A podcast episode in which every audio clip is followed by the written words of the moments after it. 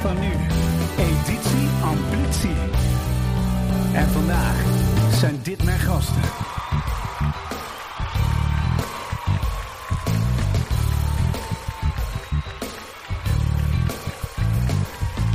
Ja, welkom bij weer een uitzending van uh, Plevier en de Pauwvrouwen. En je hoort het uh, gejuich van het publiek, want we hebben hier fantastische gasten in uh, de studio. Te weten, Robert de Ruiter. Ja, goedemorgen. Welkom, goedemorgen. Fijn dat je er bent. Isabelle van Aarle. Goedemorgen, fijn dat je er bent. Hey Isabel, waar, waar werk jij? Bij Cosmo. Ja, jij bent, jij bent daar de eigenaresse sinds uh, een paar maanden, hè? Nou, vorig jaar juni. Vorig jaar juni, ja, oh ja. Anderhalf jaar alweer. Oh, dat gaat, ja, time flies, ja. ja. Hey, en, uh, want ja, ik ken je al langer, want toen, ja. toen werkte je voor Cosmo, maar nu ben je eigenaresse samen met iemand, had ik begrepen. Ja, en, uh, met Edmond. Met Edmond. Knapen. Oh ja, Die, die ken ik ook nog. Superleuk.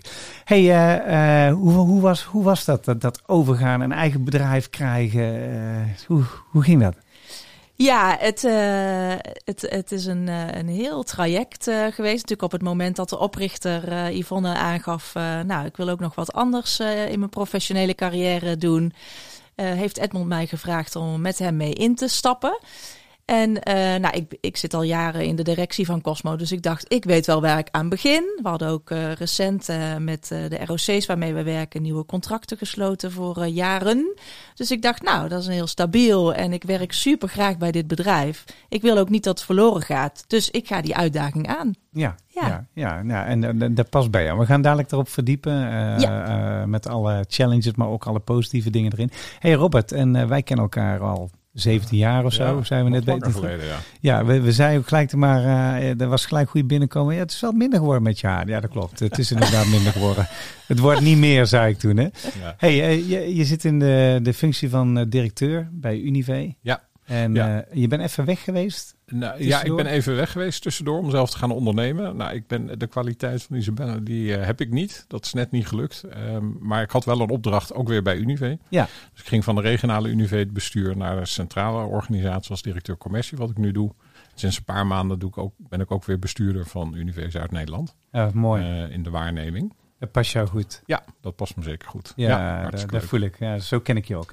Hey, uh, we zitten in de podcast Plevier en de inspirerende leiders. Uh, we hebben voorgesprekjes gehad en we zitten in serie 7 inmiddels. Dus we sluiten dit af vandaag met 140 leiders die we geïnterviewd hebben. Het doel van de, de podcast is, uh, we praten over amplitief leiderschap. Wat eigenlijk wil zeggen, ja, resultaat halen met je bedrijf is belangrijk. Maar het is ook leuk als je daar de mensen in meeneemt door, want amplitie betekent versterken, vermeerderen van functioneren werkgeluk en zingeving plus doelkracht van mensen. Want als ze dat hebben, dan blijven ze graag voor je werken en dan kom je tot mooie resultaten. En dat doen we door te focussen op uh, bevlogenheid, vitaliteit, talentmanagement, werkinrichting en leadership, die vijf. En als je daar een beetje aan die knoppen draait, naast het resultaat van je organisatie, dan krijg je vaak wel mooie dingen. En uh, ik vind het belangrijk, uh, dat is ook mijn missie, om meer inspirerende leiders in beeld te brengen, omdat de maatschappij staat voor complexe vraagstukken en dat vergt goed leiderschap. Dus ik heb in 2020 besloten om meer meer inspirerende leiders in beeld te brengen, zodat ze als rolmodel kunnen dealen voor de luisteraar. Dus het thema is hoe bind en boei en behoud je talenten en hoe kom je tot de mooiste resultaten samen. En we gaan gewoon eens kijken wie jullie zijn als leider. En uh, dat doen we aan de hand van een aantal uh, mooie songs. En uh, dan begin ik, ja, dan, ik ga gewoon met jou beginnen. Isabel, ja. kan ons het schelen.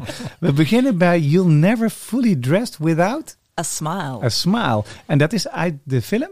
Annie. Annie. Eh, ja, ja, ja dat is lang geleden. Ja.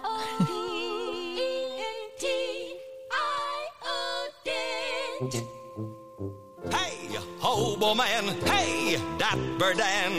You both got your style, but brother, you're never fully dressed without a smile. Your clothes may be Bo Bromley. Word je er ook blij van? Ja, het is een hele goede boodschap, zeker in deze tijd. Without a smile. Aha, the lovely Boylan sisters. Who cares what Helemaal geinig, toch? Helemaal geinig, toch? Ja, ik vind, ik vind het fantastisch, fantastisch. Ja, en dat Ja, je was ziet het aan mij, ik word er helemaal blij van. Nou, niet alleen wij. Robert zit hier Ja, ook te lachen en ik ook, ook. Dus, eh, dus eh, dat is helemaal goed. Hey, eh, waar heb je met die song? Eh, want, want je had er overleg met je man. Hè? Wat moet ik nou kiezen voor een guilty pleasure song? En toen zei je man, kies any, you're never fully dressed without a smile. Nee, nee, nee. Ik zei, ik moet een guilty pleasure liedje aanleveren. Nou, die heb jij genoeg. Dus eh, welke ga je kiezen? zei hij. Ja, Ja. ja. Ja. mijn muzieksmaak is, loopt nogal uiteen. Oh, Van eh, de Argentijnse Mercedes Sosa tot het levenslied, zeg maar. Dus, eh, oh ja, en alles ja, daartussen. Alles daartussen. Nou, maar dat is helemaal goed. Ja. Hey, en en waarom, dit, waarom vind je dit nummer een leuk nummer? Nou, dit nummer gebruiken we altijd als we eh, studenten hebben geïnformeerd over onze opleidingen reizen en vrije tijd. Waar de, de glimlach, het hebben van een glimlach, het ehm, eh, blij maken van gasten heel belangrijk is. Dan zetten we altijd dit nummer op. Ja, wel een andere versie hoor, maar, eh, Ja, maar wel... de house versie of zo. de house versie, zoiets. Maar wel dit nummer, ja, dan word ik altijd ontzettend blij. En het herinnert mij ook aan de tijd dat ik de film Annie vroeger als kind echt zeg maar elk weekend keek. En de film gaat over een eh, weesmeisje wat uiteindelijk eh, ja, zichzelf helemaal ontwikkelt. En, eh, ja, en, en dat vind ik gewoon een heel mooi gegeven. Ja, Ja, dat je uiteindelijk waar je ook vandaan komt, eh, dat je uite- uiteindelijk kunt uitgroeien tot ja, toch wat je wil. ja, ja. En, Ja. en wat is dat bij jou? Want hoe, hoe jong ben jij, als ik vraag maar? 43. Ja, 43, hartstikke jong. Daar zit jij in levensfase 6, zit jij. Ja, eh, het einde daarvan. Je zit in een transitiefase. Ah, mooi. Eh, eh, maar, ehm, eh, je hebt een reis gemaakt daar naartoe, naar die 43 jaar. Ben jij altijd zo, zo bruisend, positief, zo... Jij bent een nou, warme, ik vind je een warme persoonlijkheid. Als leider, als je je ontmoet, je bent gewoon warm. Dus je past ook heel goed in de hospitaal. Je hebt er net ook meegemaakt. Zeker. Ja, Ik zie die badge wel. ja, ja. Ik snap het. Het is, het is een ongelooflijk goede match is het. Ja. Ja, voor mij wel. Ik heb zelf heel veel plezier gehad eh, in het zijn van entertainer. Hè? Dus met heel veel gasten in aanraking gekomen. Ja, En daar word ik inderdaad heel blij van. ja. In contact met anderen. Hey, in, eh, in eh, de maatschappij, want we, eh, we staan best wel voor complexe problemen, of het nou milieu is, of de, de polarisatie, of de, binnen de politiek dat ze elkaar niet kunnen vinden, ongeacht wat je keuze is geweest. Ehm, wat, wat, wat zou qua hospitality smile, zeg maar, de maatschappij een beetje meer kunnen gebruiken volgens jou? Ehm, nou, het, ehm, in, in hospitality is, is eigenlijk de beginvraag: eh, geef de, of luister naar de ander, zodat je de ander eigenlijk kunt bieden wat die nodig heeft, in plaats van vanuit jezelf te kijken van hoe zou ik iets willen of doen. eh, om veel meer geïnteresseerd te zijn eigenlijk, ja, hoe ziet het er dan uit voor de ander? Ja, en, gaaf. en je daarop aanpassen. Oh, ja. Dat is voor mij de kern van hospitality. Ah, gaaf ja. Ik was gisteren in het Voorlinden Museum. Daar hadden ze een eh, ruimte. En Mhm. eh, dat is het, ehm, het museum van eh, een van mijn trainers. Die vrouw daarvan, die, heeft, die is directrice van het Voorlinden Museum. Daar hing in een kamer een spreuk. Luister met je... Nee, wat was het nou? Luister met je ogen. Ja, Ja. mooi. Luister met je ogen. En dan, en dan hadden ze daar een heel mooi schilderij hangen. maar het is niet alleen luisteren naar iemand en iemand empathisch voelen, maar ook de ander zien. Daar begint het denk ik mee, hè, hospitality, of niet? Ja, zeker. Nou ja, je hebt dus inderdaad het, het stuk zien. Hè, dat gaat heel, even, gaat heel erg over de omgeving. In Ja. welke omgeving verwelkom je de gast? Ja, Eh dat zijn de, de externe omgeving. De interne omgeving is eh, hoe doe je dat met je collega's en hoe heb je het als collega's onderling? Hè? Welk geluk heb je samen eigenlijk in het werk? Welk, welk plezier? Want dan straal je dat ook uit naar de ander. En dan heb je nog het derde stuk en dat is eigenlijk je interne gastvrijheid. En eh, dat is, ja, hoe blij ben ik eigenlijk met mezelf? Want dat heb ik ook op zijn minst nodig om de ander blij te kunnen maken. maar dit is toch iets wat eh, elk bedrijf moet leren, dit? Jazeker. Het is echt een gaaf, gaaf thema, zeg Robert. Ja, ik, ik zit ook eh, te denken. Wauw man, daar moet je iets mee overal doen. toepasbaar. Ja, nou, ik, deze komt van, van eh, eh, hospitality professional Laura de Mar. Eh, Een heel inspirerend persoon. En zij heeft deze drie eh, facetten van hospitality naast elkaar gezet. Ja, En ik vind dat wel een heel compleet beeld. Ja. Hè? De Nee, maar een goed, kan ook als- niet zonder de ander. Nee, dat vind ik ook. Vind ik ook. Nou goed, maar je haalt altijd inspiratie van anderen. Dus Zeker. dankjewel Laura voor die hele mooie drie. Maar, maar ik, ik geloof dat je dit ook kan doen met je bedrijf. Zeker, Ja, absoluut. En Ja. niet alleen voor hospitality bedrijven, dus niet alleen Nee. voor hotels of vakantieparken, maar dit geldt voor elke organisatie. Zeker, super gaaf thema. Oh, daar moeten we iets mee doen. Ja, Dat brengt me gelijk op ideeën. Hey Robert, en eh, fijn dat je er ook bent. Ja. En eh, ja, ik zeg fijn, want eh, Robert die is geopereerd aan hernia. Ja. En eh, ja, Maar dus ik zit hier weer uh, Je zit fris en fruitig. fris en fruitig. Ja. En je gaat in, eh, je vertelde net, je gaat in, ja, in de retour sporten Ja, en dat soort dingen zelf weer fit maken. Ja, hartstikke leuk. Hey, jij had eh, eh, een song aangeleverd, eh, eh, meerdere, eh, van Prince onder andere, maar ook van eh, Mary J. Davis, Blige. Mary J. Blige. Eh, ja. dus en ik heb uiteindelijk en ook klassiek, hè, daar hou je ook van. Ja, en dan, ja. Dus we hebben, we hebben twee mensen Ja. hier zitten die ook nog van klassieke muziek houden. Dus dat is heel mooi. Maar ik, welke voor jou gaan draaien, want die had ik heel lang niet meer gehoord. En ook in de podcast is nog niet voorgekomen. Het is een minder bekende van hem, maar het is eh, eigenlijk wel, ik vind wel een van zijn mooiste. Dat is deze.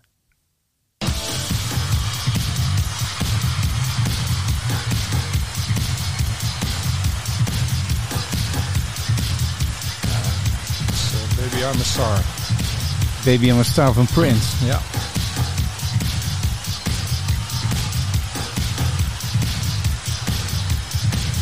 Lol van eh, zijn uitvoering is dit gaat 10 minuten door. Is eh, één brok energie. Ja, het, is- dat, hoor je al.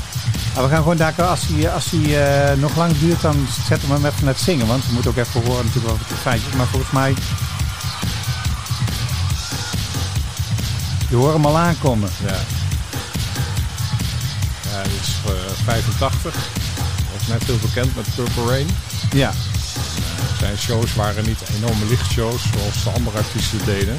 Maar gewoon twee uur, drie uur lang muziek achter elkaar door. Zonder pauze, gewoon rammen. Heel gaaf.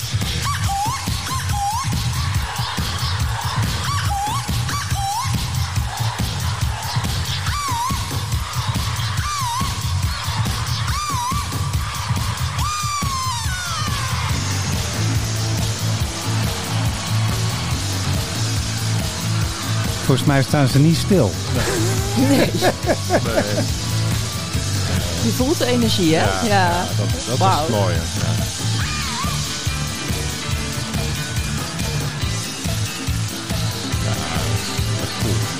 En dan ga je gaat automatisch ook meebouncen.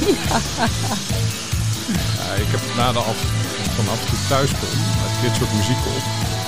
Wel eens een buurman de hond uit te laten. Wat heb jij aan joh? Die auto die voor het begin van de straat. Zegt, kinderen schamen zich dood. Maar Het thema is ook mooi. On personality.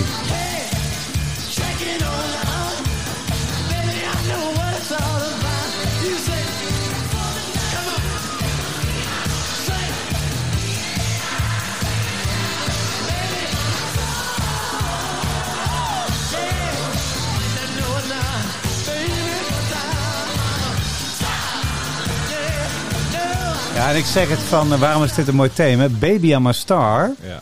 Ja, eh, al- algemeen afgezien van wat zijn betekenis ervoor is. Maar eh, eigenlijk vind je toch iedereen dat die dat gevoel heeft. Zeker. Ik ben ook een Ja. ster, weet je Ja. wel. En eh, ik mag er ook zijn, en Ja. heel compleet. Nou, maar dat is het inderdaad. Ja. Ik mag Ja. er zijn. Ja, toch? Ja. Hey, wat, wat heb jij met nummer? eh, algemeen, want van, van Nou. Prince, van Prince, jij had vier nummers opgegeven. of Ja, ik, heb, ach, ik, kan, ik kan nog een hele serie nummers. Maar ik, eh, toen ik eh 14 was, was ik in Amerika op een vakantie bij vrienden. En toen, daar was hij eh, bekend in Nederland eigenlijk nog niet. En toen eh, hoorde ik eh, Purple Rain. En een paar jaar later heb ik al zijn muziek verzameld. Overal die, die oude platenzaakjes, je kent dat wel. En dan zag je ergens een import LP.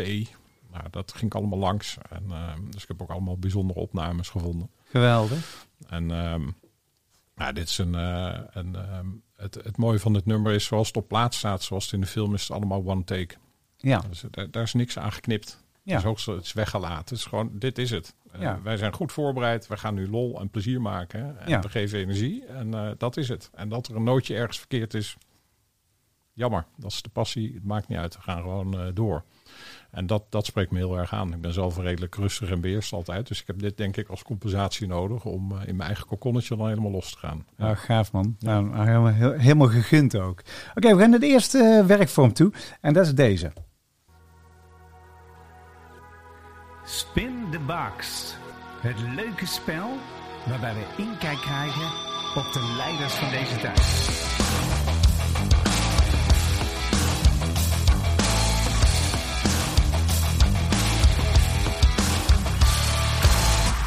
Dat was Reach Out for the Sky, was mijn vorige single. Dat ging over, je moet altijd gaan voor je ambitie en je dromen en nooit inhouden op je talent. Daar gaat het over. Dus uh, leuke song. We gaan uh, de spin the box spelen. Ik heb 28 vragen. Jullie weten niet welke vraag het is, maar je mag een vraag kiezen uh, nummer noemen tussen de 1 en de 28. En die vraag die daar staat, de, de, ja, de, dat wordt hem. Uh, daar gaan we antwoord op uh, krijgen van allebei. Nummer dus, 7. Oh, nummer 7. Heb je iets met nummer 7? ja, ik heb wel iets met nummer 7. Oké, okay, nou, nummer 7 duurt even. eens even kijken. Hoe werf of huur of selecteer je mensen waarmee je samenwerkt? Oeh, eerlijk gezegd heel erg op gevoel. dus wat als ik iemand voor het eerst aankijk welke klik is er? Wat is de motivatie uh, uh, van iemand om bij ons te komen werken? Um, natuurlijk ook wat neemt deze aan vaardigheden mee. Maar ik moet wel zeggen dat we binnen Cosmo toch ook al altijd heel erg gericht zijn geweest en nog steeds op wie is de persoon achter de professional. Dat is een mooie. Dus een van de, de duurzaamheidsvragen, wist je dat? Nee. Ze hebben ooit een keer een onderzoek gedaan van Arbonet naar duurzaam inzetbaarheid. En er, was, uh, werd verteld van uh, mensen moeten meeparticiperen, autonomie hebben. Er moet werkelijk interesse zijn van de leider in de mensen achter de professional. Er moet ruimte gemaakt worden om regelmatig met elkaar gesprekjes te voeren. Er moet ontwikkeling worden gegeven. Nou, ze waren allemaal van die pijlers, maar dit was er eentje van. Oké. Okay. Dus dat is mooi. Dus je kijkt altijd naar wie is de mens erachter en wat is zijn motivatie en wat voel ik intuïtief. Maar ja. intuïtief is best wel moeilijk om te voelen wat je voelt intuïtief. Hè? Want het is een soort uh, ja, reactie die, die er in één keer instinctief is. Hè? Ja, ja. ja. ja vind ik ook moeilijk om verder te omschrijven hoor. Ja, maar je ja. krijgt wel altijd een gevoel bij iemand. Ja, je krijgt een gevoel. Ik kijk iemand in de ogen en dan krijg ik een gevoel bij iemand. Ja. En Wat, wat doe je er dan mee? Wat, wat, zeg je dat dat je de gevoel hebt of, of uh, laat je er ja, gewoon meevaren? Zeker. Of, ja, zeker, zeker. Ik ben wel altijd heel erg van de transparantie. En transparantie, ja. ja, ja. Dat werkt goed. Oké, okay. goeie. En hoe, hoe doe jij dat, uh, Robert? Nou, het werven en het selecteren zit, van mensen waarmee je samenwerkt. Ja, ik, ik zit er wel op dezelfde lijn. Het is uh, voor mij ook heel belangrijk de mens daarachter. En um, of um, de persoon en de dingen die men in de eigen tijd doet, of dat past in mijn geval bij, uh, bij Unive. Dus de passie uit je eigen tijd, uh, past die bij de passie die wij ook in, uh, in de organisatie hebben. Ja. Voor onze leden. En dat, dat, ja, dat, dat zie je. je hoort het niet in een gesprek, maar je ziet het in een ja. gesprek. Je ziet het. Ja, ja. Dat, dat, is letterlijk dan uh, wat ik net zei. Ja, hè? Voor ja, Lindenmuseum. Precies. Uh, ja, je, je, je, ziet het hoe iemand vertelt, praat. En dan vind ik het heel leuk als we hele verschillende hobby's en activiteiten zijn. Dat is alleen maar leuk. Maar de, de echte passie, dat, dat zie je in een gesprek. Ja, oké, okay, ja. top. Hey, goeie, ja. goeie. Je mag een uh, cijfernummer tussen 1 en 28. Uh, ik heb uh, 27. 27. Waar besteed je als leider de meeste tijd aan op dit moment? Zowel privé als werkgerelateerd. Waar, waar besteed je de meeste tijd aan? Ik besteed nu de meeste tijd aan, um, eigenlijk aan verbinding maken met uh, mensen. Dus in de ene rol voor Universiteit Nederland is dat misschien ook nog onderdeel van de kennismaking, maar vind ik heel belangrijk. Ja. Um, en in de rol um, binnen commercie op het hoofdkantoor geldt datzelfde, maar is het meer in verbinding zijn met alle stakeholders. Iedereen die heeft bepaalde ambities um, en niet andere belangen, maar wel andere ambities of overtuigingen. En dat probeer je met elkaar in verbinding te krijgen. Ja, ja dus daar gaat uh, de meeste tijd uh, aan op. En dat is soms droog overleg, maar dat is ook juist vaak in veel gesprekken. Um, en dat, dat, ja, dat eigenlijk. Ja. Verbinden. Ja, verbinden. En ja, in, in Unive is uh, volop in beweging, hè? Ja. En, en uh, dan is die verbinding is ook super belangrijk ja, natuurlijk. Ja, en wij, kijk, we zijn een organisatie van leden voor leden. Ja. Dus we, het is ook een heel mensgericht bedrijf. Dus onderling is ook ontzettend belangrijk. Ja. dus die, die verbinding vind ik ook heel belangrijk. Ja. Het kan zakelijker. Ja. Maar dat vind ik niet de Unive. Nee. Uh, het moet professioneel zijn en dat zijn we ook. Ja. Ja, ja, gaaf. Ja, het is sowieso breintechnisch is zo dat uh, ze hebben onderzocht dat de, in de wereld worden heel veel rationele plannen gemaakt.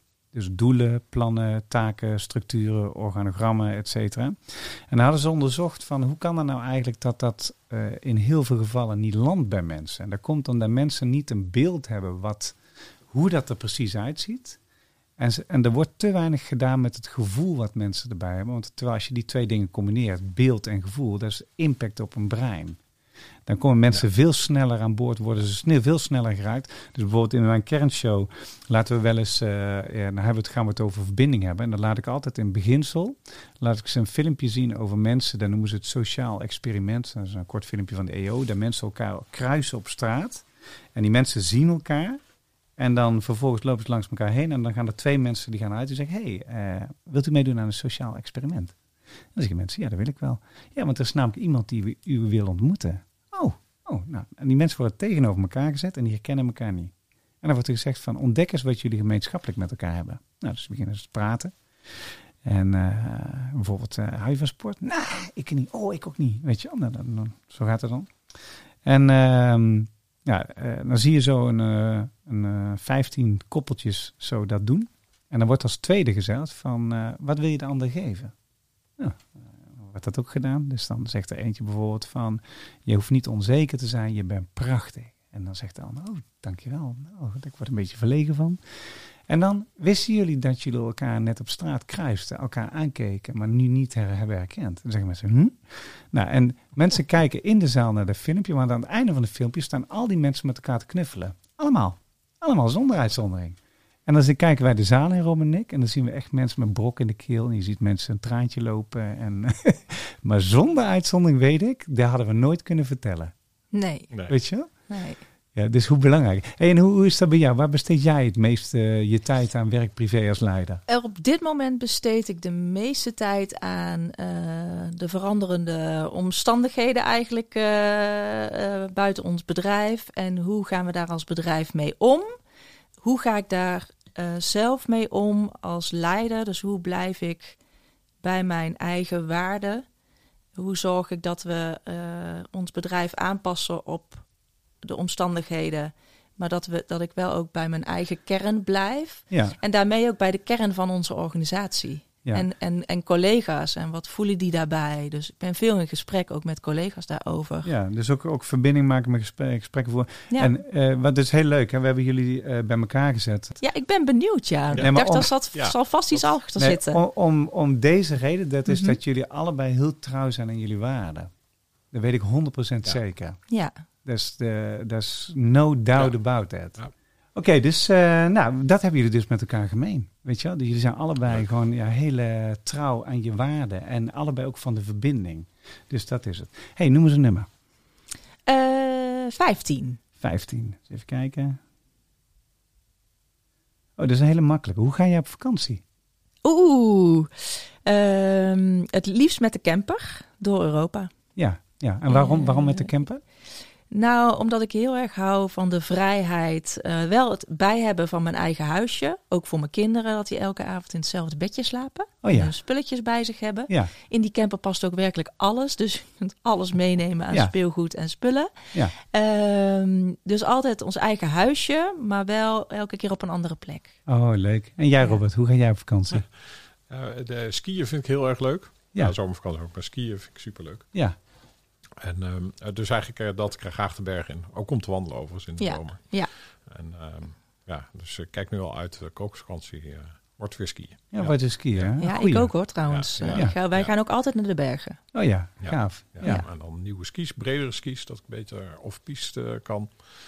Ja, Kijk. kijk er naar uit. Kan niet Ja. wachten. Er is sneeuw gevallen. Ik word helemaal zenuwachtig. Ja, en goede sneeuw had ik gehoord. Ja, Heb- jij dat ook, Robert? Dat je echt zo vriendinnen en vrienden hebt van... zullen we toch al een paar Nou ja gaan? zit, ja, ik zit ook. En dan zie ik nu die agenda en denk ik, oh, ik wil zo graag. Ja, En dat kan niet. Ja. Dat kan niet. Eerder moeten plannen. Ja. Ja. Oh, heel grappig. Ja, ik word helemaal onrustig. Ja, Nou, heel grappig. ja.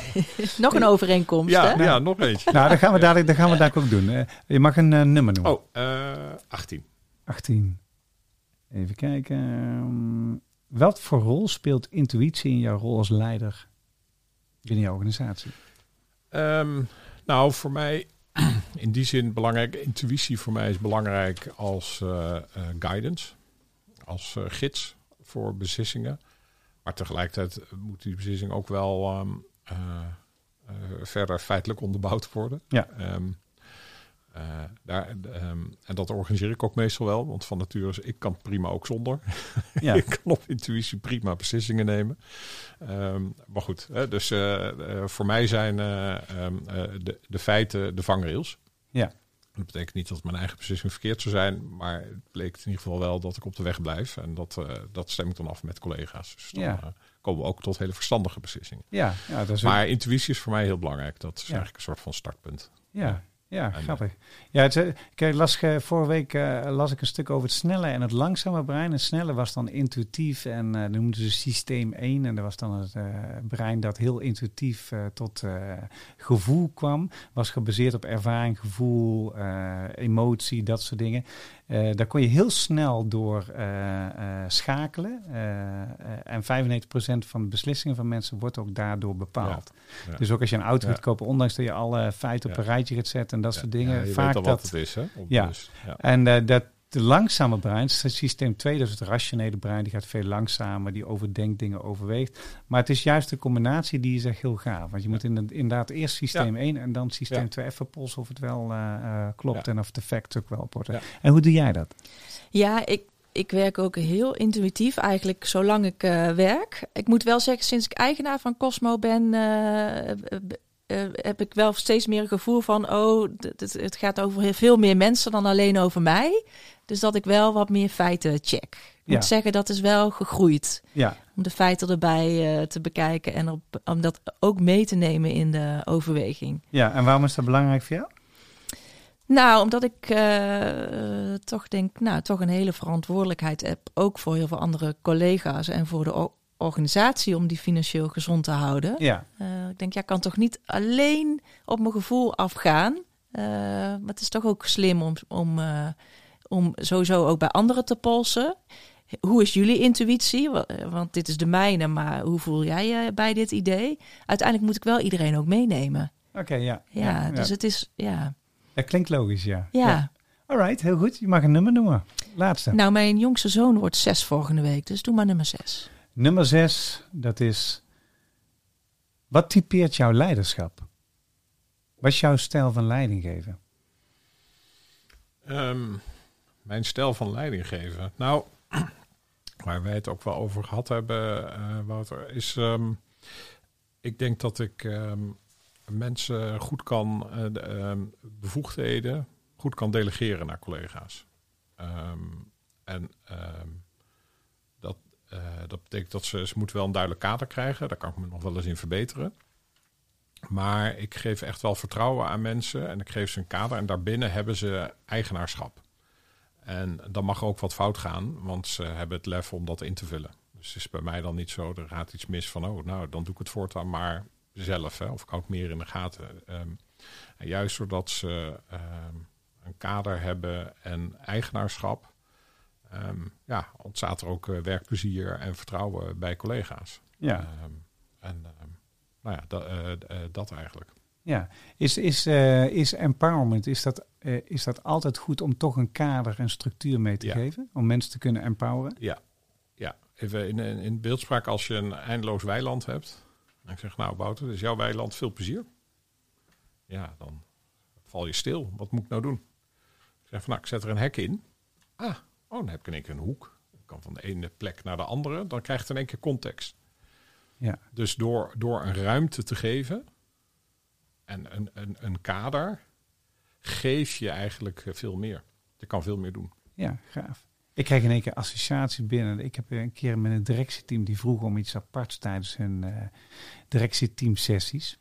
Dus had ik in België en toen had ik een eh, Belgische schapenhoeder gevraagd. Of, die, eh, of we met hem zo'n sessie schapenhoeden konden doen. Dat was echt hilarisch. Want er was een heel groot weiland. En eh, nou, er ging een, eh, zo'n truck over, die stond dan eh, 400 meter verderop. En er kwamen allemaal schapen uit, een stuk of 15 van die schapen. En daar had hij van die pionnetjes neergezet, waar die schapen dan tussendoor zouden kunnen gaan. En dan uiteindelijk aan, aan het begin van het weiland waar wij stonden, daar had hij een heel groot hok staan. En eh, hij zegt, nou wat we gaan doen is we gaan die eh, schapen, eh, die, die moeten door die hekjes heen. En die moeten in het hok. En daar gaan we in groepjes van vier mensen per keer doen, weet je wel. En dan gaan we gewoon eens kijken of hoe jullie leiderschap is. nou, hij zei maar om even het goed in goede geleiding te doen. ik heb hier Huupje. En Huupje was zijn zwart-wit, die schapenhond, weet je wel. En eh Huupje doet het eerst even voor. Dus wat gebeurt er? Die, die die loopt zo'n beetje naar voren. En je zag die schapen 300 meter van... Fuck. Shit. Weet je wel zo. En hij doet zo. En die hond begint te rennen. En echt maar, binnen anderhalf minuut, zeg maar, waren ze door de hekjes gegaan en zaten ze in die hok. Jullie. En toen die mensen van Netschroef, die, die, die per vier, weet je wel, die, nou, ze kregen het niet voor elkaar. Dat was gewoon niet. Want ze, probeerden, ze maakten veel te veel beweging en sommigen waren ongeduldig en anderen die praten niet met elkaar hoe ze dat gingen aanpakken. En als ze een kolonne zouden moeten maken, dan deden ze dat niet, weet je wel. Nou, dat was echt zo komisch. We hebben, we hebben echt zo gelachen daarvan, weet je wel. En dan ging die schapenherder ging, eh, lessen overdragen over leiderschap. Ja. Nou, dat was echt hilarisch. Ik- krijg in één Ja, keer mooi. Ja, dat- zo'n ja, zo'n beeld. Hey, en hoe is dat bij jou, eh, Isabel? Eh, eh, Ja, ik vind het wat, wat altijd... typeert jou, jouw stijl van ja, leiding? ja? Wout, ik vind het altijd een beetje een lastige vraag, omdat Ja. ik vind, omdat ik vind, in hoeverre kan ik daar zelf over oordelen? Want eigenlijk eh, is dat iets eh, wat mijn eh, collega's veel beter kunnen aangeven. Dus ik vraag het ook regelmatig aan ze. En eh, wat ik dan eh, terugkrijg is ehm, ja, directe, strenge leider, maar wel heel menselijk. Dus wel gefocust op het resultaat en daar ook op aansturen. Eh, ruimte gevend binnen kaders. Eh, maar je kunt altijd binnenlopen, ook met een persoonlijk verhaal. Ja, ja. En, en, en, als je daar teruggaat, wat, wat doet dat? Wat, wat, wat voel je daarbij? Ja, nou, ik moet zeggen, ik vind het altijd wel lastig hoor, om eh, streng en direct eh, gevonden te worden. Eh, Ja. Nou, hoe komt dat dan? Maar- Nou, is altijd wel de rolverdeling geweest tussen Yvonne en mij. Ja. hè, dus ik was altijd op de zakelijke kant en Yvonne meer op de Oh ja. persoonlijke kant. En dat werkte heel goed. Hè? Dus iedereen moet een rol nemen in het systeem. Hè? Zeker, en ja. ik, ik nam die rol. Maar sinds ik eigenaar ben geworden van Cosmo, moet ik wel zeggen dat ik nu beide rollen invul. Ik zie wel, als er dan iemand weggaat, dan verandert het systeem ook. Dus ook mijn leiderschap. Ja, dus je moet eigenlijk, eh, als er iemand uitgaat uit je systeem, moet je eigenlijk weer even gaan herzien. Hè? Ja, moet je gaan mij? herzien. Van wat is dat, eh, eh, wat betekent dat nu voor mijn manier van leiding geven? Ja. Ja, Ja, ik vind hem heel mooi. ja. Ja, maar het, geeft ook weer hoe je erin staat. Hè? Dat, je dat, dat je het zo vertelt van, dat het best wel moeilijk is. En dat je wel een rol neemt bewust om... Ja. En het resultaat halen hoort ook wel een beetje bij. Want je vindt het schijnbaar ook wel gaaf om te doen. zeker. Ja, zeker. dus het hoort een beetje bij elkaar. Hè? En, ja, het hoort dat, een beetje bij elkaar. En dat een beetje in de, in de balans houden. Ja. Dat is een van de, de paradoxen van leiders. Dat is wel leuk. Dat zal ik je eens toesturen. Want een leider heeft eh 18 paradoxen. Waar elke leider eh, tussen parandeert, zeg maar. En eh, wat je daaraan kan doen. Dus Ja. dat ga ik je toesturen. Ja, leuk. Oké, we gaan door naar de volgende werkvorm. Had ik beloofd. De overeenkomstenrace. Ja, jullie begonnen net eigenhandig de overeenkomstrace. Dus nou moeten we hem ook Ja. doen. Ja, jij bent ook van het reizen. Jullie krijgen drie minuten om zoveel Ja. mogelijk overeenkomsten bij elkaar te ontdekken. Wat jullie hebben als mens-leider.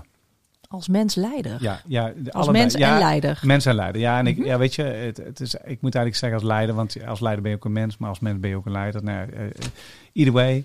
Eh, gewoon eens kijken, wat hebben jullie eigenlijk gemeen met elkaar? Oeh. Nou, s- eh, skiën dus. Eh, ja, skiën. Eh, bergen, Dat- wandelen. Ja. En eh, als we dat vertalen naar het leiderschap.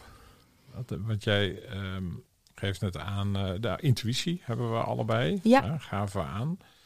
Eh, ik hoorde jou net ook zeggen kaders eh, geven. Ik denk dat jij dat duidelijker doet dan ik, overigens. Krijg ik maar zo het beeld. Maar, Weet ik niet. maar het is wel maar belangrijk. hè, eh, en het is wel zeer belangrijk.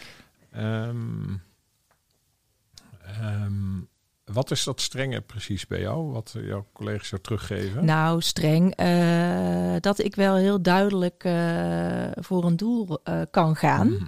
Eh, Ja. Ah, ja die- en daar die- ook op stuur. Ja. Ik denk, ik heb zo toch het idee dat jij dat toch ook Ja, wel zeker, hebt zeker. als commercieel directeur. Dat absoluut. Als er getalletjes te halen zijn, dan eh, Ja, toch? halen ook en overschrijden. Ja. Ja. En dat doen we gelukkig ook veel. Ja. Dus eh, nee, dat, eh, dat, ja, dat is een soort persoonlijke competitie. En eh, nu loopt er ook... eh, nou ja, goed. Er zijn Ja. altijd campagnes. Ik wil altijd... eh, dan zit ik iedere dag te kijken, hoe doen we het? Ja, Gaan we er overheen of niet? Ja. en dat kan ook een, eh, een dag... eh, nou, maken, breken is misschien heel zwaar. Maar die, ja, die Ja. competitie herken ik wel. Ja, maar ik, ik hoor toch, hoor en zie overigens, eh, toch aan jou ook wel echt het menselijke stuk. Ja. Hè, het leggen van de verbinding. Ja. Ik las dat ook op jouw LinkedIn. Dat dat ook wel is wat je doet, mensen en organisaties aan elkaar Ja. verbinden. Ja. En dat is ook wel echt mijn Ja. rol binnen Cosmo. Ja, en hoe, hoe doe je dat binnen Cosmo? Nou, binnen eh, Cosmo breng ik met name onderwijs en bedrijfsleven samen. Eh, dus hoe integreren we het bedrijfsleven binnen het onderwijs? En hoe maken we het onderwijs bewust? Hoe we ons sneller kunnen aanpassen op, eh, op het bedrijfsleven? Ja, Ja, dat is wel de kern van Ja. wat ik doe. Ja.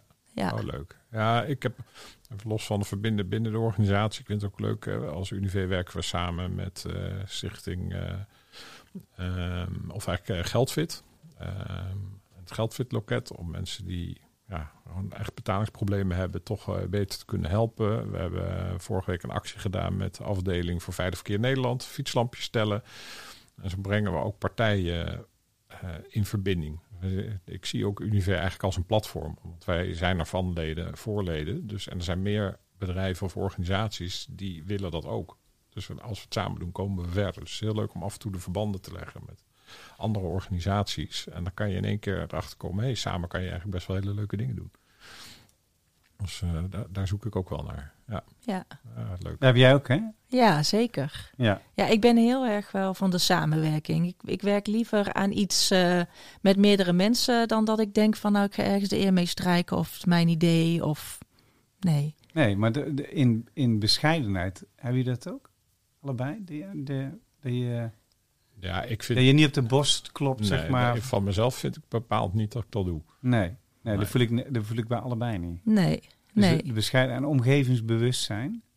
Ja, Ja. ja. ja, ja, Ja. zeker. Ja, dat, ja, ja, dat zie ik aan eh, jou ook. Ja, ja, absoluut.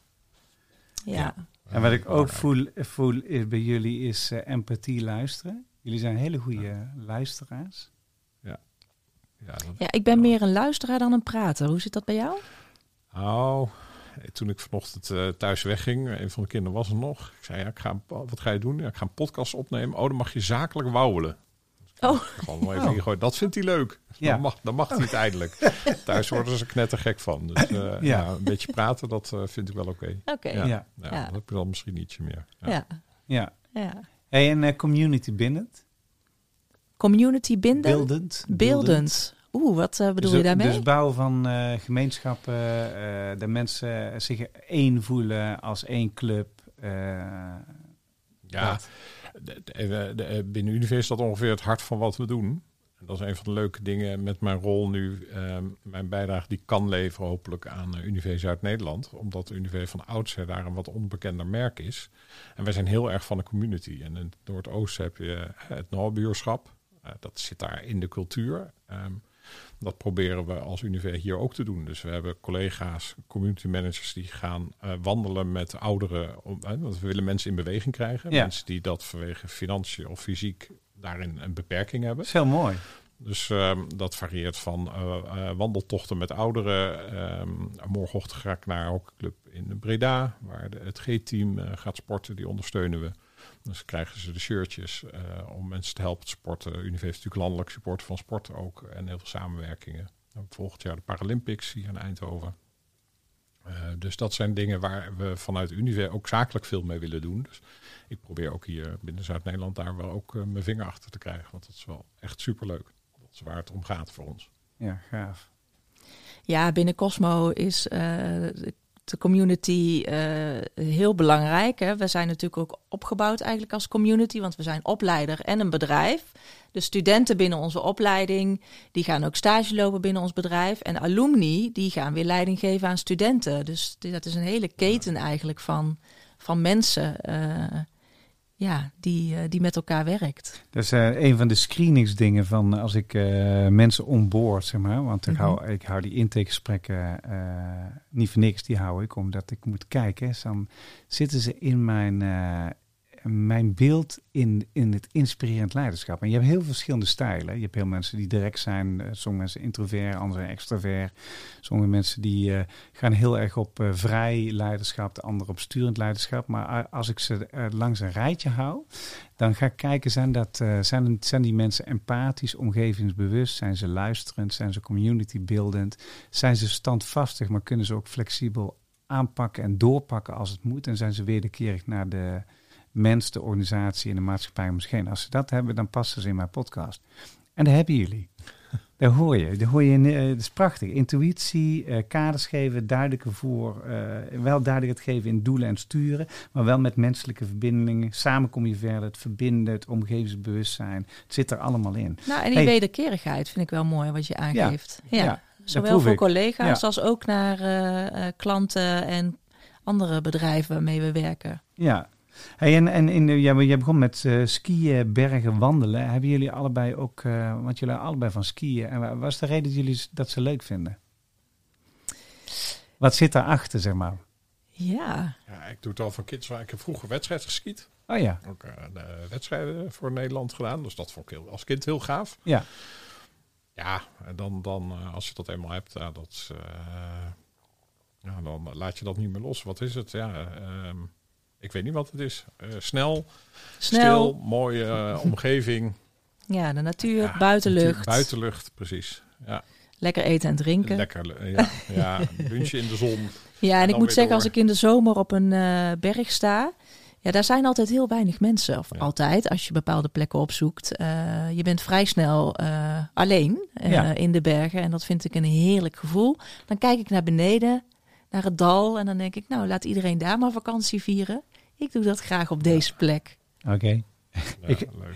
Ik, ik vind hem mooi. Oké.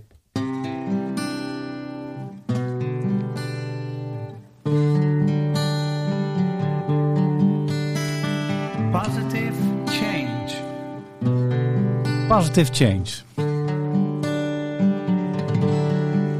Ik geef jullie een, ehm, een eh, onderwerp mee. Mhm. En dat onderwerp, eh, jullie mogen het, eh, kiezen welke jullie willen. Eh, talentgericht leiderschap, een vitale organisatie, tot het beste resultaat samenkomen, focus houden op wat echt belangrijk is, een goede balans tussen feminine en masculine energie, hoe houd je medewerkers bereid, bevlogen, betrokken en tot de beste resultaten komen.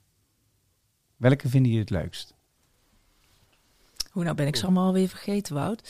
Ja, Ehm, dus talentgericht leiderschap, vitale organisatie, tot het beste resultaat komen, focus houden op wat echt belangrijk is, een goede balans in feminine en masculine energie.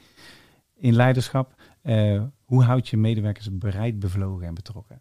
Ik vind de eerste spreekt mij wel aan, talentgericht leiderschap. Talentgericht Ja, leiderschap. is goed. En ik denk, ik weet, ik vind het niet het leukste, maar eh, bezig zijn met wat echt belangrijk is, dat, dat is wel een thema. Dat is wel een thema. Ja. Nou, misschien kunnen we ze Oh, ja. combineren. Ja. Dus, eh, Ja, eh, dus eh, bezig zijn met wat echt belangrijk is en van daaruit talentgericht leiderschap. Combineren ze gewoon.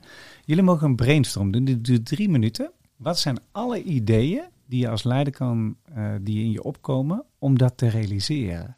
Wat moet je dan als leider faciliteren, inzetten, activeren? Misschien zelf als mindset eh, neerzetten, et cetera. Mhm. Ehm, Oké. Ik, ik, ik zal hier... met Ik zal, talentgericht leiderschap ja, talentgericht Ja. leiderschap. Eh, ik, ik, ik begin gewoon, en dan mogen jullie mij inhaken, dan gaan jullie van daaruit verder. Het, het zien van andermans talenten en het inzicht hebben in je eigen talenten. Mhm. Ja, zeker. Uh, nou, binnen Cosmo hebben wij wel veel medewerkers die wel een opleiding hebben afgerond of, of de opleiding dus bij ons volgen. Dus uh, komen li- uh, de talenten uh, worden zeg maar zichtbaar tijdens het moment dat ze bij ons stage lopen of werken. Uh, dus wij zetten niet, de, ja wel, de docenten hebben natuurlijk wel een afgeronde docentenopleiding, maar en eigenlijk ontmoeten we dus heel veel jonge mensen die hun talenten ontdekken, juist tijdens de periode bij Cosmo. En dat vind ik heel mooi, om daar dan studenten ook kansen in te geven. Hè, van waar blink je nou in uit en wat is dan je rol? En eh, eh, welk, eh, welk type eh, stijl van communiceren en werken heeft je voorkeur? En hoe kan dat binnen een team, hoe kun je elkaar daarin aanvullen? Dat vind ik wel Dus heel ontdekken talenten, kansen geven aan anderen om eh, eh, dat exploreren, focus op eh, uitblinken in een bepaalde rol, de voorkeursstijl van communicatie eh, ontdekken. Daar zou ik bij kunnen dragen aan focus houden wat echt belangrijk is en talenten activeren. Wat er meer? Ja, ik, ik probeer ehm, mensen een beetje in mijn buurt altijd te ontdekken wat is nou, eh, als je één ding mag noemen, wat is nou de kracht van een collega. En dan kijken hoe kan je die versterken. Ik werd geïnspireerd door, eh, door een hockeycoach van het Nederlands dames elftal. Ik heb dat zelf niet live gehoord, maar... eh, Mark Lammers? Ja, Ja, ja, zeggen. Hè? Dus dat hij eh, een speelster zegt van, nou, speel er in de voorhand aan, want die is heel goed. En die Ja. backhand gaan we niet trainen. Ja. Want dan Ja. wordt het gemiddeld. En dat vond ik heel inspirerend. Van ja, inderdaad, dus speel dan gewoon aan op het voorhand. Toen werd ze geloof ik topscorer en ze wonnen. Ja. Het is een prachtig Ja, verhaal. ze- Ja, maak ja, van een 8 en 9 in plaats van een Precies. 6 en 7. Ja, ze scoorde de winnende goal eh, op, Ja. in de finale. Ja, Ja, ja. Dat- Ja. Zoiets heb ik ook eens gelezen. Ja, en dat ik, ik, het inspirerende is precies wat je zegt. Hè. Maak van de 8 een 9. En natuurlijk heb je ook een aantal zaken minder goed ontwikkeld. Maar dat zal altijd minder goed ontwikkeld zijn. Dus als je maar krampachtig dat probeert te verbeteren, dan wordt het gemiddeld een 7. En nooit gemiddeld. Ja, terwijl als je van die 8 een 9 maakt, dan, dan heeft het geheel er veel meer aan. Als je dat goed op elkaar afstemt. En Ja. dat, ik vind dat zo heel leuk op zoek gaan naar dat, die ene kracht. En dan kijken welke omgeving. Daarom zijn wij bij ons best wel bezig ook met kijken vooral ook horizontaal, of vooral, maar ook collega's die horizontaal andere dingen gaan doen. Ja. Of dingen erbij doen, Ja. om dat te ontdekken. Ja, en ik vind dit hockeyteam wel eh, een voorbeeld. Want het gaat er ook om, zij heeft dan op haar voorhand wel iemand nodig die die bal dus Ja, goed op haar voorhand Ja. eh, aanspeelt.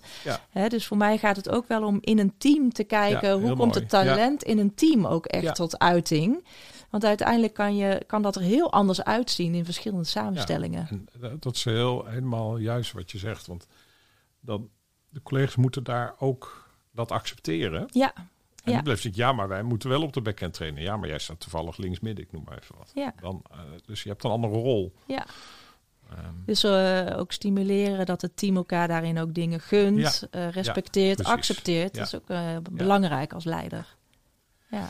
Ja, dus het ontdekken van talenten, kansen geven, focus in uitblinken op de rol, de voorkeursstijl van communicatie, inzicht geven erin, benoemen van de kracht en hoe je dat kan versterken, de focus erop houden, kijken eh, wat, wat je in de omgeving kan doen om mensen dingen erbij te laten doen, om, om buiten hun kaders te exploreren, talent in teams aanvullend maken op elkaar, Eh, ook leren om dingen te accepteren, dat sommige mensen bijvoorbeeld eh, graag de, de, de voorhand hebben en daarop toespelen.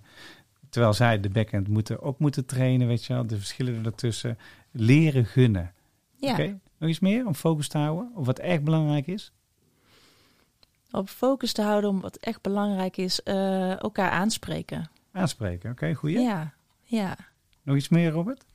Ja, ik denk ook wel, toch wel, eh, regelmatig even terugkijken. Waarom deden we dit? Waarom zijn we dit begonnen? Als het een project is. Of, en, en doen we dan nog steeds de juiste dingen? Ja. Ehm, want soms ben je vanuit enthousiasme ga je gewoon eh, een zijspoor op. Heb je het helemaal niet door. Zonde. Ja, dat is een eh, psychologisch eh, experiment hebben ze ooit gedaan. Dat is heel grappig. Dan hebben ze een kooi met apen in zitten. Dan leggen ze een banaan in die kooi. En dan, als die een aap, die denkt, oh, lekker een banaan. Dus die wil die, aap, die wil die banaan pakken. En dan spuiten ze die aap nas. Dus gewoon ene grote paniek in die tent, want hij werd nat gesproken. Op een gegeven moment gaat een aap, die gaat herkennen dat als je die eh, banaan pakt, word je nat gespoten. Dat moet je niet hebben. Dus die aap die denkt van, daar ga ik niet meer doen. Maar dan gaan ze eh, delen van die apen gaan ze wisselen uit het team. En op een gegeven moment is die hele apenkring is vernieuwd. En als er een banaan in de kooi komt, is iedereen in paniek. Maar niemand weet waarom. Het is een heel beroemd eh, sociaal experimentje, zeg maar. Mooi, ja. Naast die met die vlaai, die vond ik ook heel leuk. Dat eh, die aap op die vlaai gaat springen. Ken je die? Die bananenvlaai. Oh, maar dat is meer om te lachen. Oké, dus, dus eh, team leren gunnen, maar ook eh, aanspreken, regelmatig terugkijken naar je why en eh, kijken van doe je dan nog de juiste dingen. Nog iets meer om focus te houden? Focus op talent, mensen zelf inzicht geven, kijken wat er in de omgeving nodig is, hoe je mensen kan sturen erin, inzicht geven elkaars talenten, ook eh, de, tussentijds eh, vier het succes. Hè? Als je dus, de- deelresultaat haalt, vier ze. Ja. En waarom is wat, dat? je heel, wat ik ook snel vergeet hoor, om dat te doen. Maar gelukkig zijn we een aantal collega's die hebben die smaak wel te pakken. En dat is ook heel, dat is altijd heel leuk. Inspireert en eh, helpt ook weer om terug te komen op die focus. Waarom deden we dit? Ja, hierom. mooi dat Nou, zegt. Ik had het laatst ook eh, iets, iets nieuws. En toen zeiden, we, zeiden twee collega's uit mijn team... Maar Isa, dit moeten we vieren. Ja. Champagne ja, vandaag. Precies, precies. Ja. Mooi. En dat is absoluut waar. Hey, goede dingen. Dus als je focust op wat echt belangrijk is, hoe zet je de talenten erin? Kijk, en zo krijg je eh, ideeën van wat er mogelijk is. Hè? Eh, als je het nou op je huidige situatie waar je nu in zit, hè, wat is het dan het één ding? Stel je voor, je zou één ding mogen kiezen. Denk van ja, maar daar moet ik echt meer op gaan focussen. Want dat maakt echt een verschil. Als ik dat echt nog meer ga doen, wat is dat dan? Binnen, binnen, binnen een project of binnen je rol als sales director, van wat heeft het meeste focus nodig om de grootste quantum leap te maken? Ik denk dat ik ehm, ehm, aan het begin van een traject of een opdracht of iets ehm, eh, het kader nog duidelijker eh, neerzet. Ja. ja, dat is ook best wel moeilijk, hè? want je weet Ja. niet altijd wat. Nee, maar dan, zijn dan, toekomst, dat ja. kan je dan maar beter aan het begin daar, daar- even goed over nadenken en daar de, de tijd in steken. Om te voorkomen dat je ergens eh, aan het eind toch te veel bent afgeweken. Ja, is zo. Of dat voor iemand de rol onduidelijk is. Ja. Oké, heel goeie. Ja, en voor mij is het eh, toch vaker nog checken. eh, is het kader duidelijk? Eh, en hoe voelt die ander zich bij dat Ja. kader? Werkt dat kader ook voor die ander? Of mist daar iets in? Of eh, werkt er Ja. iets niet? Ja. Ja, en, en, Dat ook, is het voor mij. en ook dat is belangrijk. Hè? Ja, als een generiek, als mensen eh, disfocus krijgen, dan heb je zes aandachtscirkels in je brein zitten. Fictief natuurlijk. Maar de eerste is, je bent gefocust op je kern, je kompas, hetgeen wat werkelijk belangrijk is. Dus als je elke dag eh, naar je kern zou gaan, zoals bij mij is 100.000 mensen geïnspireerd op een nummer 1 talent Vital aan het werk krijgen. En de leiders beïnvloeden die om ambitie op te nemen in een organisatie. Dat is mijn belangrijkste focuspunt. Nou, Als dat mijn belangrijkste focuspunt en ik zou morgen maar één ding mogen doen, wat moet ik dan morgen doen om werkelijk het verschil te maken met zingeving? En door dat te doen, dat noemen ze de wet van één, krijg, kom je eh, dichter op je focus. Nou is de kunst natuurlijk, in de dag is het hectisch. Ja, Er gebeurt er heel veel. Dus wat gebeurt er bij de meeste mensen? Die raken in hun aandachtspannen op de tweede cirkel gefocust. Namelijk de omgeving, de wereld, wat daar gebeurt. En als ze dan nog een klein beetje verder gaan, dan komen ze op... hey, de verwachting die ik had en de realiteit klopt niet meer met elkaar. En dan kan het zijn dat ze nog een keer verder komen in de vierde cirkel. Dan is het, was het gevolg daarvan. En dan de vijfde cirkel, dat zie je vaak op de tennisbaan. Daar ze het niet meer zien zitten. Hoe ben ik hier in godsnaam beland? En dan en nog een stukje verder, dat is eh, van wat ben ik hier godsnaam aan het doen? Weet je? wel? En, en dat zijn de aandachtscirkels van de mens. En, en wat de kunst is natuurlijk terug naar één. Naar Ja. aandachtscirkel één. Naar, naar je kompas, naar je structuur, naar je kader, naar jezelf, je intuïtie, wat je probeert te doen, wat je why is. En als je daar even de rust neemt, elke dag een klein beetje, dan kom je goed uit. ik stel mezelf wel vaak de vraag: oké, in eh, dit stuk, waar heb ik zelf invloed? Ja. Ja, dat is en- een hele goede vraag. ja. Ja. En, en waarop niet? En dan mag ik ook loslaten. Ja. Want daar heb ik toch geen invloed op. Ja. Ja, Ja, ze hebben ook nog een hele leuke filosofische vraag. Dan moest ik laatst, moest ik, daar- nee, ik was met iemand aan het praten en zei ik heb een hele leuke vraag voor jou. Want jij bent toch zo missiegedreven bezig? Ja, dat, dat klopt. Hij zei, de vraag is, als jouw leven het antwoord is op een vraag, wat is dan die vraag?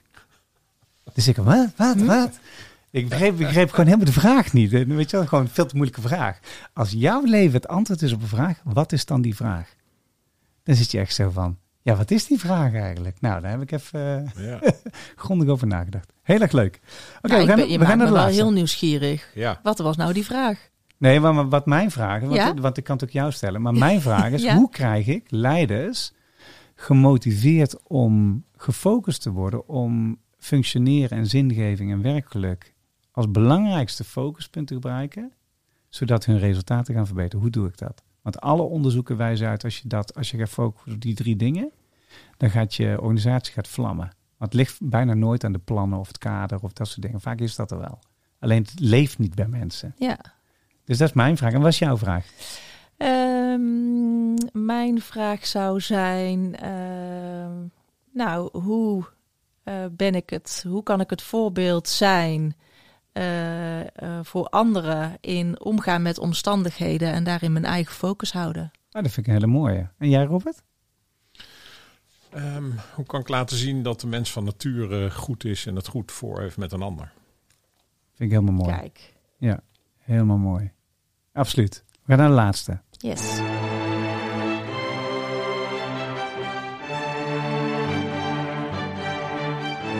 Het zijn de strijkers van de London Philharmonic. Die zaten in mijn hardrock single Hard Headed Woman. Hele zware gitaren eronder. Ja. Mijn vraag voor jou.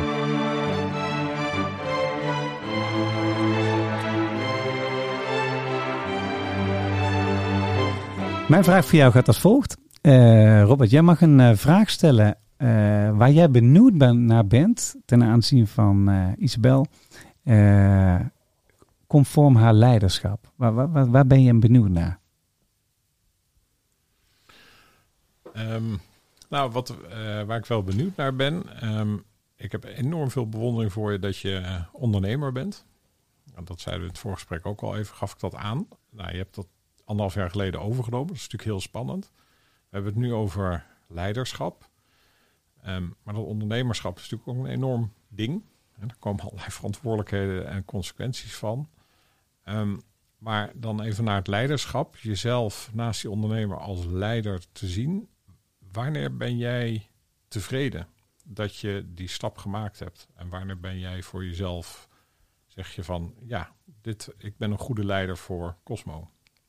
Ja, een mooie vraag, want die stel ik mezelf regelmatig. Ehm, omdat ik, wat ik aangaf, hè, het, het systeem is veranderd als er Ja. een van de drie weggaat. Hè? Dus, en hoe ga je dan opnieuw die rolverdeling eh, doen? En waar ik, eh, eh, wanneer ik tevreden ben, is als ehm, collega's, iedereen die binnen Cosmo werkt, eenzelfde ervaring blijven behouden eigenlijk bij het werken binnen onze organisatie. En dat dat niet verandert door Ja. ander leiderschap. Oké. Ja. Ja. Ja. Mooi. En, en welke heb je voor Robert? Ja, Robert, waar ik benieuwd naar ben, is eh, hoe je die nabijheid en die verbinding ehm, kan maken in zo'n grote organisatie. Ha. Ja, dat is een, een, hele goede vraag. En het, en het antwoord klinkt heel dodelijk simpel door het kleiner te maken. Hm. En de, de organisatie van de Unive groeit ook. En de regionale Unives, ooit waren er 100. En nu zijn er acht. Dus je moet ze in ieder geval mentaal voor onze leden moet je ze weer kleiner maken. Ehm, dus het- soms letterlijk maak kleinere gebieden en maak iemand een ja, iemand die eh, er voor de community is, een community manager, maar voor een kleiner gebied en niet voor dat hele grote werkgebied. Maak het kleiner. En er zijn op sommige plekken in het land zijn heel veel winkels, zijn organisaties soms ook wat kleiner. Daar is dat al van nature. Eh, het gebied van Zuid-Nederland niet, dus maak het kleiner. En ook als je kijkt naar Centraal, waar, we, waar ik in de rol zit, dat we juist de digitale kanalen ehm, ehm, eh, beheren en ontwikkelen. Ook daar maken we het kleiner. We, ja, vaktechnisch zeg je, we willen aan precisiemarketing doen. Maar we maken het kleiner, maar dat we wel de klant waarde geven die voor jou eh, van waarde is. En dan maken we het ook klein. Dat grote universum wordt in één keer klein. Hiermee ben ik geholpen. Dus het antwoord is simpel, kleiner maken. Ja. En ik hoor misschien ook wel gepersonaliseerde benadering. Ja, want ik, ik, je hebt een fysieke en mentale afstand. Ja. En, en eh, als je dichtbij bent, en dat UNIV wil dichtbij zijn, dan ben je ehm, fysiek dichtbij, maar in ieder geval mentaal dichtbij. Dat kan op een fysieke manier, het kan ook digitaal, maar je moet mentaal dichtbij zijn. Ik vind die vind ik mooi. Hey, dankjewel jongens. Eh, we hadden een podcast waarin twee mensen zitten die eh, heel omgevingsbewust eh, luisteren, waarnemen en daar ook op acteren. Met intuïtie als guidance. Die mensen het vertrouwen geven, die eigenaarschap vergroten, werkplezier vergroten, allebei. Ook altijd wel met een beeld. Er moet ook wel resultaat gehaald worden, want anders dan kan het bedrijf niet uh, leven. Dat doen ze door communities te bouwen. En communities die groot zijn, worden gewoon kleiner gemaakt, zodat uh, die verbinding weer gaat ontstaan. Altijd met het beste in de mensen naar boven halen. Altijd gericht op het why vergroten en daar regelmatig op uh, teruggrijpen. Ze geven kaders, stellen duidelijke structuren, maken menselijke verbindingen ze hebben het idee dat als je samen gaat werken en je activeert talenten, dat ze uh, verder komen. En dat doen ze allebei vanuit uh, ongelooflijk mooie wederkerigheid. Ik dank jullie voor het uh, zijn in deze podcast. Ik vond het echt heel erg leuk gesprek. We kunnen eigenlijk niet stoppen, maar, maar we moeten toch. We moeten toch. Dus heb je een goede tijd gehad, Robert? Ja, ik vond het hartstikke leuk. Ja, Oké, okay, dankjewel voor je komst naar de studio. Ja. En uh, Isabel, fijne tijd gehad. Heel leuk, dankjewel. Graag gedaan. We gaan eruit met uh, de Song for the People, uh, de eindsong. Want hey, connectivity, verbinding, dat was het centrale thema van deze podcast. En daar gunnen we op dit moment de maatschappij ook een heel stuk.